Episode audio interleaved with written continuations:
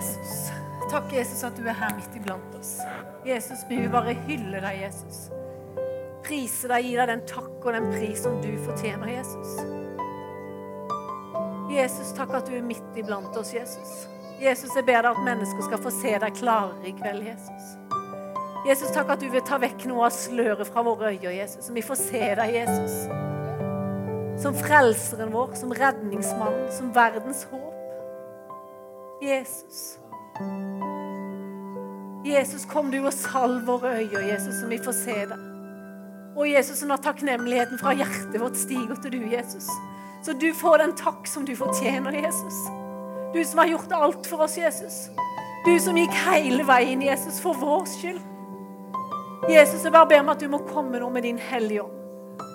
Kom med din Hellige Ånd og bare salv ordet. Å, Jesus, vi får se deg, Jesus. La meg få se deg, Jesus. Jesus, du som gikk veien, Jesus. Jesus, veien til Golgata for vår skyld. Takk at du er her midt iblant oss. Å, Jesus, takk at du vil gjøre noe med hjertene våre i kveld, Jesus. Sånn at vår begeistring, vår takk stiger, Jesus. Å, Jesus, det blir en takk ifra våre hjerter, Jesus. En hyllest til du som kongenes konge. Jesus. Å, sånn at vi kan hylle du i kveld, Jesus. Som kongenes konge.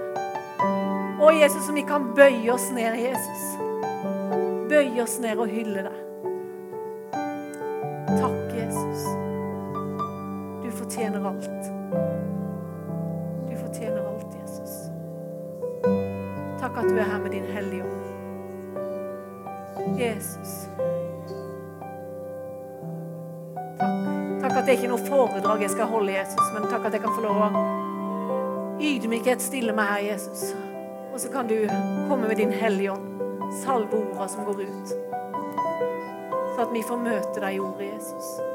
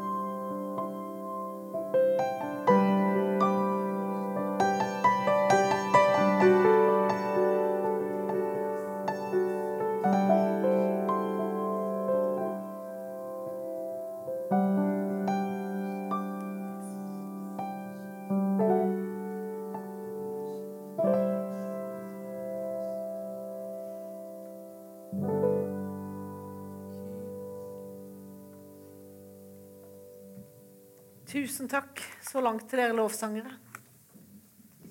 Fantastisk når vi synger og tilber Jesus. Jeg tror han har behag i at han, vi tilber han. Så kommer han med sitt nærvær. Han får den tilbedelsen og takken som han fortjener.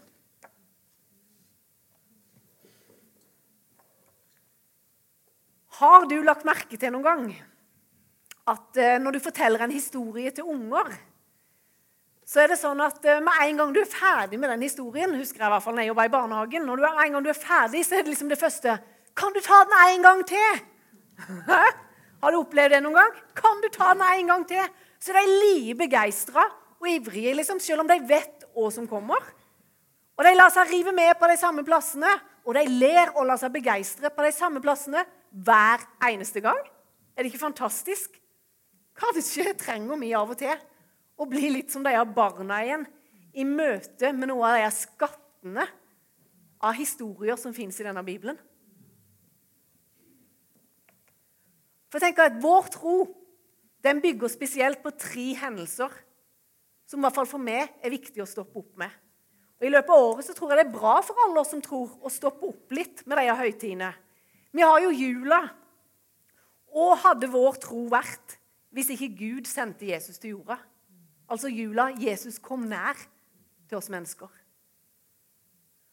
Og hadde vårt liv vært hvis ikke det som skjedde i pinsa, skjedde, hvis ikke vi hadde fått kraften, hadde vårt liv som kristne vært da?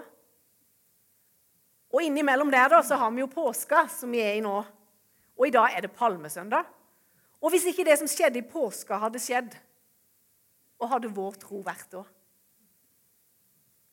Jesus sin lidelsesvei, død og oppstandelse.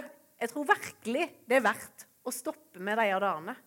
Selv om vi selvfølgelig er innom det i løpet av året. Flere ganger. Det er jo det vi snakker om. Men jeg vil utfordre deg til å stoppe opp litt i de dagene som kommer. Og så være litt i evangeliene. Og på en måte være med på den veien som Jesus gikk. Jeg tror det gjør noe med oss. Det har i hvert fall gjort noe med, med meg de siste ukene. Og jeg tenker Det er det å bli litt som barn igjen, rett og slett. La seg på ny begeistres av disse historiene. Og så tenker jeg Disse historiene, altså høytidene, det er jo faktisk noe alle nordmenn, om en tror eller ikke tror, så er det noe alle nordmenn på en eller annen måte forholder seg til. Og tenk for en mulighet til mange gode samtaler. Altså, Ja til Kvikk og Solo og appelsiner, men òg med en god trossamtale rundt en kakaokopp. Det er jo bare så spennende, for dette, det er jo et kjempeenkelt spørsmål. egentlig. Ja, Hva er ditt forhold til påska? Og tenker du i forhold til det som står i Bibelen? Det som skjedde i påska? Vi har jo fantastiske muligheter til å få gode trossamtaler. Ja, jeg skjønner at kanskje mennesker kan synes dette er rart. Jeg klarer ikke å fatte alt med mitt hode. Kanskje du er så smart, men jeg klarer ikke å skjønne alt dette Jesus gjorde for min skyld. Det er altfor stort for meg til å klare å ta imot. Men jeg vil allikevel prøve å ta imot og takke og begeistres av det. Hodet mitt klarer ikke å skjønne at Jesus døde og sto opp igjen. Men hele min tro den står jo og hviler på det Jesus har gjort. Og hvis det ikke er sant, da, så er jo min tro ingenting. Men hvis det er sant Det er jo helt fantastiske nyheter. Det er jo helt enormt hvilket håp vi har i Jesus. Altså, Er det noe alle kan være enige om en tror eller ikke tror, så er det jo at en gang så kommer døden til oss. Men pga. det Jesus gjorde. Hvis det er sant, så har vi jo faktisk ingen verdens ting å frykte. Frykt ikke mer, sang Lillian og gjengen. Frykt ikke mer. Altså det, Døden er faktisk ikke slutten, men det er begynnelsen på en ny tilværelse sammen med han. Og den sangen jeg kjenner jo, den, den gjør jo noe med meg. For dette, den sto vi og sang for litt over et år siden med mamma sin grav. Mamma hadde valgt den sangen. Og den er helt enorm når den kommer. Og jeg glemmer ikke når jeg sto der med grava. Og den teksten ble så enormt sterk for meg. Frykt ikke mer. For et håp vi har. For et håp vi har. Det ble nesten en liten sånn trossamtalt innledning. Men eh, ja, dere, vi kan snakke om mye bra over en kakaokopp i, eh, i påska. Men det som er i dag, er jo at det er palmesøndag. Vi skal stoppe litt med det som skjedde de dagene på vandringen inn mot Jerusalem. Altså det konkrete hendelsen med Jesus, eselet og folkemengden. Altså, Det må ha gjort inntrykk har jeg tenkt. Det må ha gjort inntrykk på disiplene. For både Matteus, Lukas og Markus og Johannes Det ble litt rar rekkefølge, skjønte jeg. Mm. Alle har skrevet om de episodene. De må ha gjort noe med dem. Alle nevner det. Og så sa det hjemme i dag, så tenkte jeg på det at den vandringen mot Jerusalem Vi kan kanskje tenke at ja, den begynte jo på en måte nå litt før palmesøndag. Men vet du noe? I Guds hjerte så begynte den vandringa til Jerusalem. Den begynte allerede den dagen menneskene valgte valgte å vende Gud ryggen. Den begynte for lenge siden, for det er Guds hjerte. Når menneskene valgte å vende ryggen, da begynte den vandringa. Og vi kan se det gjennom hele Gammeltestamentet at det er Guds hjerte. Så kan jo du og jeg tenke at å, denne historien og dette her har jeg hørt tusen ganger før. Ja, det er fortsatt palmegreiner jeg kommer til å snakke om. Det er ikke forekvister, det er palmegreiner. Men kanskje du kan spørre Den hellige ånd om Hellige kan du vise meg noe i dag? Jeg trenger på nytt å se Jesus. Jeg trenger på nytt å bli som et barn og begeistres over dette som skjedde i påska. For jeg tror Gud jeg tror han vil vise oss hvem han er, hans hjerte for denne verden. Og det gjør han gjennom Jesus. Ved at vi kan lese oss, lese og sette oss inn i de historiene om Jesus. Om du har hørt historien, om du gjør det for første gang i dag, eller om det er for tusende gang, så tror jeg Den hellige ånd kan virke. Er du med? Ja, to er med. Det er fantastisk! Det er det to som kommer til å møte Jesus i dag. Det blir bra. Ja. Ok, dere. Vi er altså på Jesu tid. Se det for deg. Tusenvis av mennesker er klar for denne reisen inn mot Jerusalem. De skal feire påskehøytida, en høytid til minne om israelittenes utfrielse av Egypt. Og prøv å se det for deg. Se det for deg, alle de folka, denne gjengen som er på vei innover mot Jerusalem. Og Det var ikke bare deg, men det var en haug med mennesker som skulle inn. altså Det var ikke bare Jesus og disiplene. Vi kan lese om det i de ulike evangeliene. Altså Matteus han nevner da de gikk ut fra Jeriko, så fulgte en stor folkemengde etter Jesus, står det. Altså Jesus var omringa av folk. Han visste Altså, han var på vei mot Jerusalem, men så visste han òg så venta han de neste dagene. Og jeg tenker det må ha vært mange tanker i hodet til Jesus. Det må ha vært mye som har rørt seg. Han var menneske som du og meg, samtidig som han var Gud. Han må ha tenkt mye i hans reise inn mot Jerusalem. Og likevel, midt i hans tankevirvar, alt det han visste at han skulle gjennom, så har han tid til å se enkeltmennesket. Selv om kanskje tanken hans var i det som skulle skje, så var hjertet hans det var hos menneskene som han møtte på veien. Og Det står i Matteus at han fikk inderlig medlidenhet med et par blinde som var der med veien, som satt med veien. Og Markus han beskriver og, og skriver om den blinde Bartimeus som fikk et møte med Jesus denne dagen. Og Jesus han stopper. Han tar seg tid. Midt i folkemengden, midt i hans tanker der han var på vei, så tar han seg tid til Bartimeus. Så spør han, 'Hva vil du?' 'Hva vil du jeg skal gjøre for deg?' Han ser enkeltmennesket. Og Vi kjenner historien. Vi vet at Jesus rørte med øynene. Én nevner Bartimeus, og én nevner de som satt der. Og så fikk de syn igjen. Og så fulgte de han. Altså Dette var på veien til Jerusalem i et folkekaos, i en berg-og-dal-verden, kanskje i hans følelser. Men enkeltmennesket var viktig for Jesus. Vi ser det tydelige tjenersinnet til Jesus. Han stopper hos mennesker han løfter mennesker, og han velsigner mennesker. Og Jeg tror det samme spørsmålet som stiller Jesus oss her inne i dag. Sett deg inn i Bartimeus situasjon. Du sitter her i dag med dine behov. Alle våre behov her inne er ulike.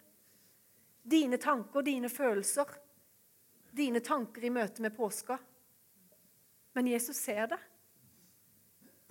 Jesus ser det. Han bryr seg.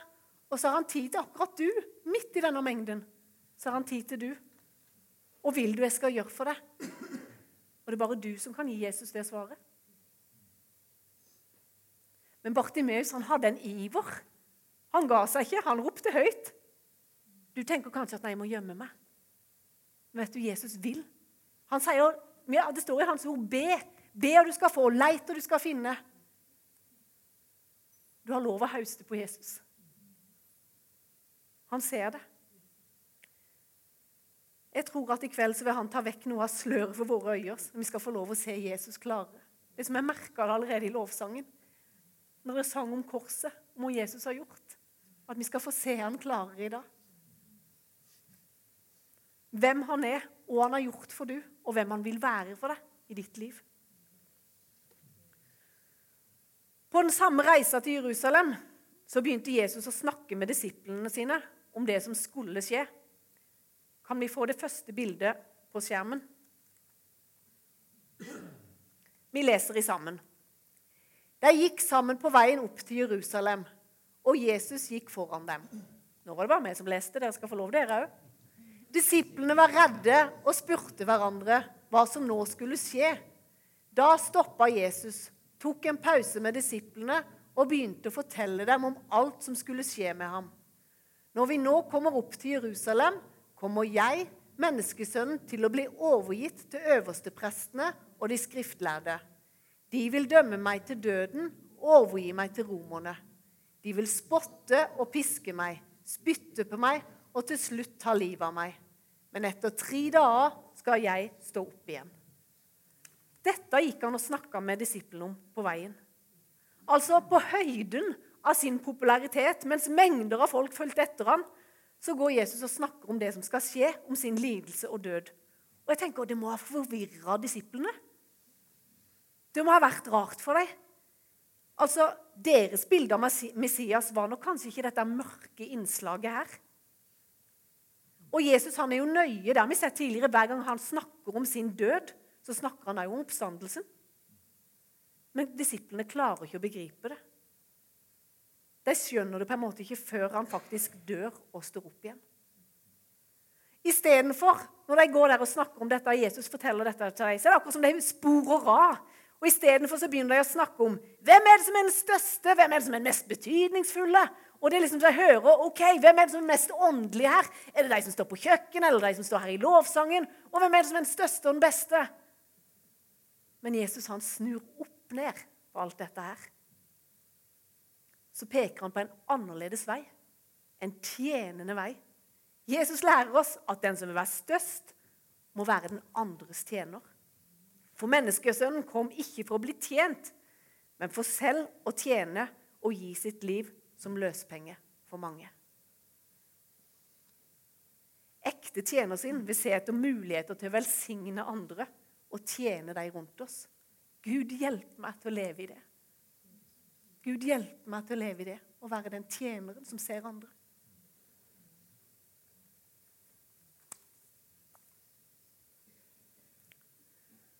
På veien inn til Jerusalem har altså Jesus vist at han ser den enkelte. Han har tid til å stoppe opp, opp hos den enkelte. Han har fortalt om det som skal skje de neste dagene, og han har lært bl.a. om tjener sin. Og Reisen mot Jerusalem den fortsetter, og de er nå kommet til Bet-Fage og Betania med Oljeberget. Så kan vi lese videre, bilde to. Du må ha gode øyne for å klare dette her. Da de nærma seg Jerusalem og kom til Bet-Fage og Betania ved Oljeberget, sendte Jesus to av disiplene sine i forveien. Gå inn i landsbyen som ligger rett foran dere. Når dere kommer dit, skal dere finne et ungt esel som står bonde der. Ingen har noen gang sittet på det. Dere skal løse det og ta det med hit. Og hvis noen kommer bort til dere og spør hvorfor gjør dere dette, skal dere svare Herren har bruk for det. Da vil de tillate at dere tar det med til meg. Disiplene gikk inn i landsbyen og fant det unge eselet bundet rett utenfor en dør.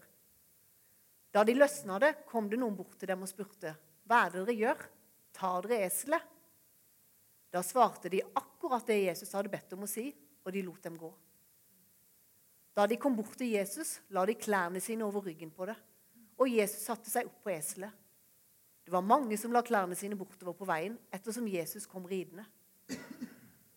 Andre hogde greiner, ned greinene med grønne blader av trærne og la dem utover på veien der Jesus kom. Både foran og bak Jesus gikk det folk som ropte, Hosianna, velsignet er Han som kommer i Herrens navn. Velsignet er vår far Davids rike som kommer. Hosianna i det høyeste. Dette er Jesus. Ser du han for deg når han kommer inn i Jerusalem? Og så tenkte jeg, Hvorfor kunne ikke Jesus bare gå inn det siste stykket til Jerusalem? da? Det var jo ikke lange biddene igjen. Var han så sliten? At han absolutt måtte få transport liksom, av et esel det siste stykket. Og et esel, jeg ser det liksom for meg, han må jo nesten ha subba med beina. Kunne han få noe mindre, noe lavere nå? Men så vet vi det. En plass leste jeg 400 år, men en annen plass 500 år. Vidar, du er fasiten. Men en gammel profeti gikk i oppfyllelse denne dagen. For Zakaria hadde sagt, 'Fryd dere stort, Jerusalems folk. Bryt ut i jubel. For se, deres konge kommer til dere. Han er rettferdig og kommer med frelse, ydmyk og ridende på en eselfole. Og Når Matteus skriver om denne hendelsen, så skriver han dette. Men dette skjedde for at det skulle bli oppfylt, som var sagt ved profeten. Si til Sions datter, se din konge kommer til deg, ydmyk, ridende på et esel, på trelldyrets fole. Og Det er kanskje litt typisk av Matteus å henvise til tekster av Gamle testamentet. Eh, for han skriver til de jødiske leserne. Og For han så var det jo viktig å knytte bånd fra Jesus fra Nasaret og tilbake til Det gamle testamentet for å vise det at denne Jesus han er den Messias som jødenes hellige skrifter snakker om og skriver om. For han så var det viktig. Og igjen, som jeg sa innledningsvis, så er kanskje den reisen vi ser for oss nå, med denne reisen, var jo allerede begynt i Guds hjerte for lenge, lenge siden. Du var i Guds tanke. Du var i Guds tanke på denne reisen. Og den var begynt for lenge, lenge siden. Hosianna var ropa som lydde høyt i Jerusalems gater. Hosianna som egentlig betyr 'frels nå'. Og det var jo det de så for seg. At Jesus skulle komme og frelse dem fra de romerske okkupantene som styrte Israel på sånn en hard måte.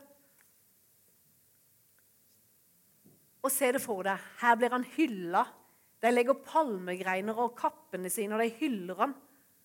Og så hadde han samtidig den kommende uka i tankene sine. Mens han fikk de hyllingsropa, så visste Jesus at uka som kom, den vil være full av smerte og av pine. Er det mulig å forestille seg denne kampen som har vært i Jesus? Han møtte en folkemengde som var i ekstase over at nå skulle de bli befridd. Men så visste han jo òg at de samme folka de ville bare noen dager seinere rope 'Korsfest! fest! Kåss festan!' Folket som så på han som en konge, de ville seinere heller at morderen Barabas skulle gå fri, enn at Jesus skulle bli satt fri.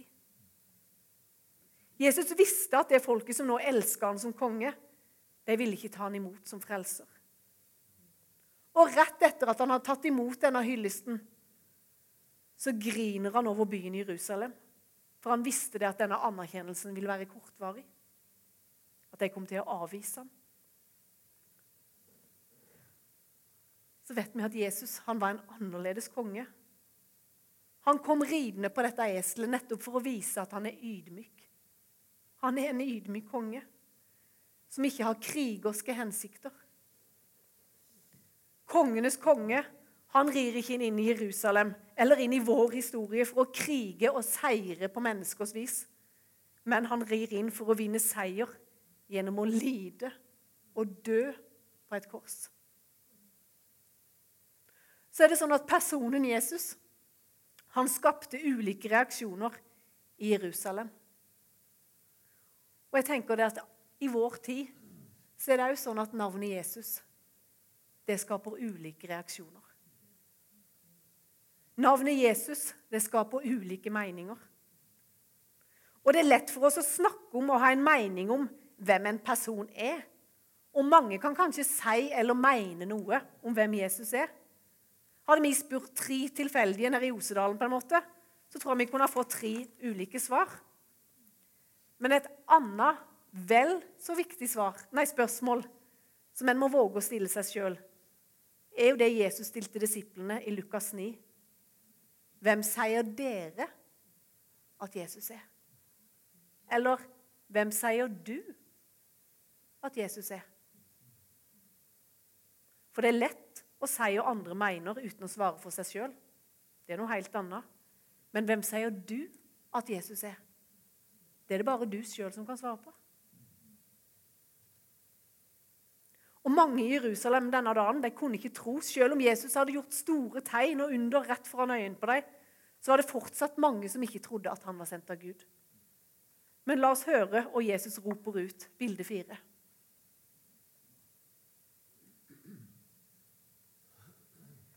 Men Jesus ropte ut, 'Den som velger å tro på meg, tror ikke bare på meg, men på Han som har sendt meg. Den som ser meg, ser samtidig Gud som har sendt meg. Jeg er kommet til jorden som et lys, for at alle de som tror på meg, skal slippe å leve i mørket. Den som hører hva jeg sier og likevel ikke tror på meg, trenger ikke være redd for at jeg skal dømme ham. For jeg er ikke kommet for å dømme verden, men for å redde verden.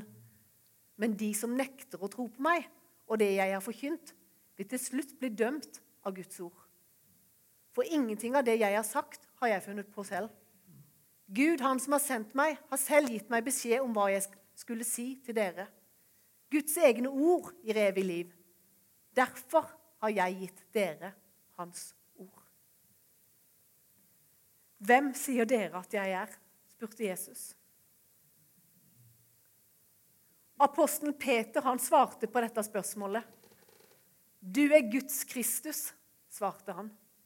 Og vi vet at i dette øyeblikket her så var det som han fikk en åpenbaring av hvem Jesus er. Akkurat som sløret gikk vekk fra øynene hans, og han fikk se Jesus. Jesus kom tydelig fram. Og i Johannes' åpenbaring så kan vi lese om at eh, når, eh, når, Johannes får se Herren på denne måten, så er det akkurat som han detter til bakken som et tre detter og blir felt i skauen. Menneskesønnens herlighet og renhet den overvelder han. Eller vi vet at Moses med den brennende busken, eller Saulus på vei til Damaskus. For dem så ble det ikke naturlig å stå oppreist. De måtte bøye seg, for de sto på hellig grunn. Når en møter Jesus, så er det som en står på hellig grunn. En må bøye seg. For Gud den allmektige, kongenes konge. For et par uker siden så var Geir og med på PMF. Eh, en samling for ansatte i, eh, i Misjonskirka Norge. Og En av eh, kveldene der så sang vi en sang. Det er som et sånt bønnekor. Mange av dere har hørt sangen. Hellig ånd som livet gir, fall nå over meg. Rens meg, fyll meg, tenn meg og send meg. Hellig ånd som livet gir, fall nå over meg. Og Den ene kvelden så gikk utfordringen ut om omvendelse. Om å vende seg mot korset, om å vende seg til Jesus. Vende seg mot personen Jesus. Og Det var en mektig stund der inne. Det var som å stå på hellig grunn. Over 100 mennesker. Vi måtte bare bøye kne. For det var som vi sto på hellig grunn. Det var som vi opplevde og kjente at Jesus var der. Og det var bare en naturlig reaksjon å bare bøye kne for Jesus. For han er hellig. Han er hellig. så er det sånn at i mitt liv så trenger jeg stadig å få nye, nye friske Jesus-åpenbaringer.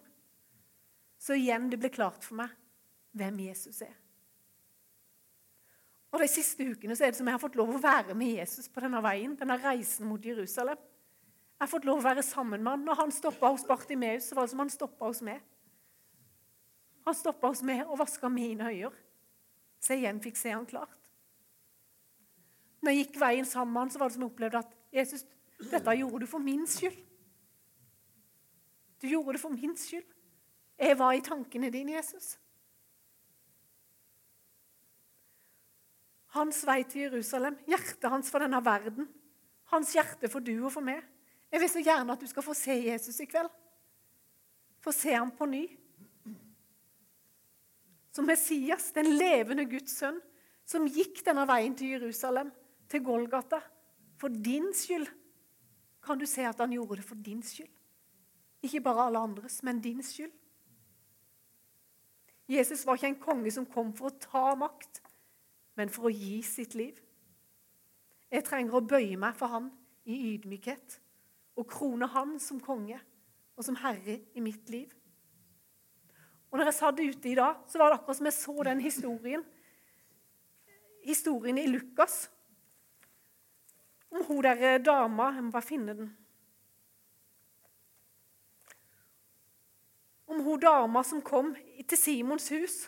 Som kom, og som hadde med seg den der det all, alabastkrukke. Ja, det vet alle hva er for noe. Kjempekjent. Altså en velduftende olje hun hadde med seg. Og så måtte hun, Vi vet at den var kostbar, den var dyr. Men så måtte hun bare salve Jesus Og så hun, stilte hun seg med føttene hans, så begynte hun å grine. Så begynte hun å vaske beina hans med tårene. Hun tørka dem med håret sitt. Hun kyssa beina hans og salva han med den velduftende olja. Hvorfor gjorde hun dette? Hun kunne ikke la være. Og jeg tenker De menneskene rundt henne de kikka. Hvem er du? Hvem tror du du er? De visste at hun hadde et tidligere liv. Så kommer hun busen inn i dette huset. Men hun kunne ikke la være å gi sin takk til Jesus. Det er akkurat som det var blitt øynene hennes, så hun fått se hvem Jesus var, og hvem hun var blitt pga. Jesus. Hun hadde fått motta tilgivelse. Og Jeg vet ikke hvem du er i dag. Om du er den som trenger, som er Bartimeus langs veien, som trenger at Jesus skal komme og vaske øynene dine, så du på ny får se, får se han på Golgata. Eller du trenger, er kanskje den der dama som trenger at Jesus bare vil, Du er full av begeistring til han. Du vil bare gi din takk og din pris til Jesus for alt han har gjort for deg. Men jeg vet at Jesus vil se akkurat du i dag. Han vil se akkurat du i dag. Han ønsker at du skal få se han på ny. Sånn at det kan bli en takknemlighet fra hjertet ditt. Tilbedelsen og takken kan bli en takknemlighet fra hjertet ditt. For han ønsker, han ønsker vår takk og vår tilbedelse. Han ønsker at vi da på palmesøndag skal hylle han som konge. At vi skal bøye oss med våre kapper og våre palmegreiner og hylle han som konge. Og gi han den tilbedelsen som han fortjener. Men av og til så er det sånn i livet våre at vi trenger å få vaska øynene på nytt, så vi får se han. Så er Jesus der i dag for å stoppe hos du, akkurat som han gjorde hos Bartimeus. Eller er du full av begeistring og takknemlighet som denne dama, så bare tilbe han og takk han for alt du har, og bare la din takknemlighet stige og gi Jesus ditt alt. Så handler det ikke om at vi løfter hender, eller åssen det ser ut, eller åssen vi gjør. Jeg tenker Denne dama som kom inn i det huset, hun må jo ha hatt en menneskefrykt. Men av og til er det noe med det, så er det så befriende å ikke tenke på andre mennesker tenker eller mener eller gjør. Jeg må bare, når jeg fikk se deg nå, Sara, så bare heira på du. Så fantastisk tøft du var om lørdag. Som bare gikk fram. Og bare brøyt alt av menneskefrykt og bare gikk fram, fordi hun kjente hjertet dunka så. Og jeg tenker, Er det ikke det vi vil? La all menneskefrykt bare forsvinne, og så vil vi bare takke og hylle Jesus for den han er. For han vil ha ditt hjerte. Han elsker deg så mye. Det var du han tenkte på når han gikk til korset. Det var du han tenkte på. Det var for din skyld. Hvem i folkemengden i Jerusalem er du? Uansett hvem du er, så søker Jesus ditt blikk, og så inviterer han deg til å komme nærmere. Som en inngang til denne påska så håper jeg det, at du vil ta imot hans invitasjon til å bli sett av han, og til at han skal få lov å vaske dine øyne så du får se han tydeligere. Denne høytida som er så spesiell, den høytida som kommer til å forandre en hel verden. La oss reise oss, og så ta lovsangeren oss med, og så hyller vi Jesus. Jesus, takk at du er her med din gode Hellige Ånd. Jesus, takk at du ser den enkelte Jesus. Takk at du ser den enkelte midt i mengden, Jesus. Og så bare takker jeg deg, far, for at ditt hjerte og reisen til Jerusalem den begynte for lenge, lenge siden. For det er ditt hjerte for denne verden. Det er ditt hjerte for oss. Det er ditt hjerte for menneskene i Froland. Det at jeg skal få se deg som frelseren, som redningsmannen, som verdens håp. Takk for det at du elsker denne bygda, far. Takk at du ga ditt liv for denne bygda, far. Og jeg bare takker deg, Jesus og Jesus, la oss få det hjertet, Jesus, for bygda, for menneskene rundt oss. Jesus, la oss på ny se deg i kveld, Jesus. Og som redningsmann på Golgata, Jesus. Jeg ber om at du akkurat nå, Jesus, skal komme og vaske våre øyne, Jesus. Og som vi får se det, Jesus. At den vandringen mot Golgata, Jesus, det var for vår skyld. Jesus Kristus. Og la mennesker få se det, Jesus, at den vandringen var for, de, for deg skyld, Jesus. Ikke bare for alle andre, men takk at du stopper hos enkeltmennesket nå, Jesus og du spør hva vil du jeg skal gjøre for deg. Takk for det, Jesus. Takk for det, Jesus. Å, Jesus Kristus. Jesus Kristus. Å, Jesus, kom og rens våre øyne, så vår begeistring og takknemlighet for hvem du er, Jesus, den kan stige. Å, Jesus, jeg bare ber om at du skal ta vekk all menneskefrykt. Alt som binder Jesus. Alt som binder i mennesker, Jesus, til å tilbe og takke du for den du er, Jesus. Å, Jesus, for du fortjener alt. Du fortjener alt, Jesus. Å, bare kom, Jesus. Kom med din Hellige Ånd og sett mennesker i frihet. Å, Jesus Kristus, så du kan få all den tilbedelsen og takken som du fortjener, Jesus. Å, Jesus, takk at det handler ikke om om vi løfter hender eller hva vi gjør for noe, Jesus, men det handler om våre hjerter. Å, Jesus Kristus, takk at du tar imot vår hyllest. Takk at du har behag i vår hyllest, Jesus. Jesus. Å, Jesus, takk at du er her nå. Kom, Helligånd, og gjør ditt verk. Kom, Helligånd, og gjør ditt verk. Kom, Helligånd, og gjør ditt verk. Jesus. Jesus, takk.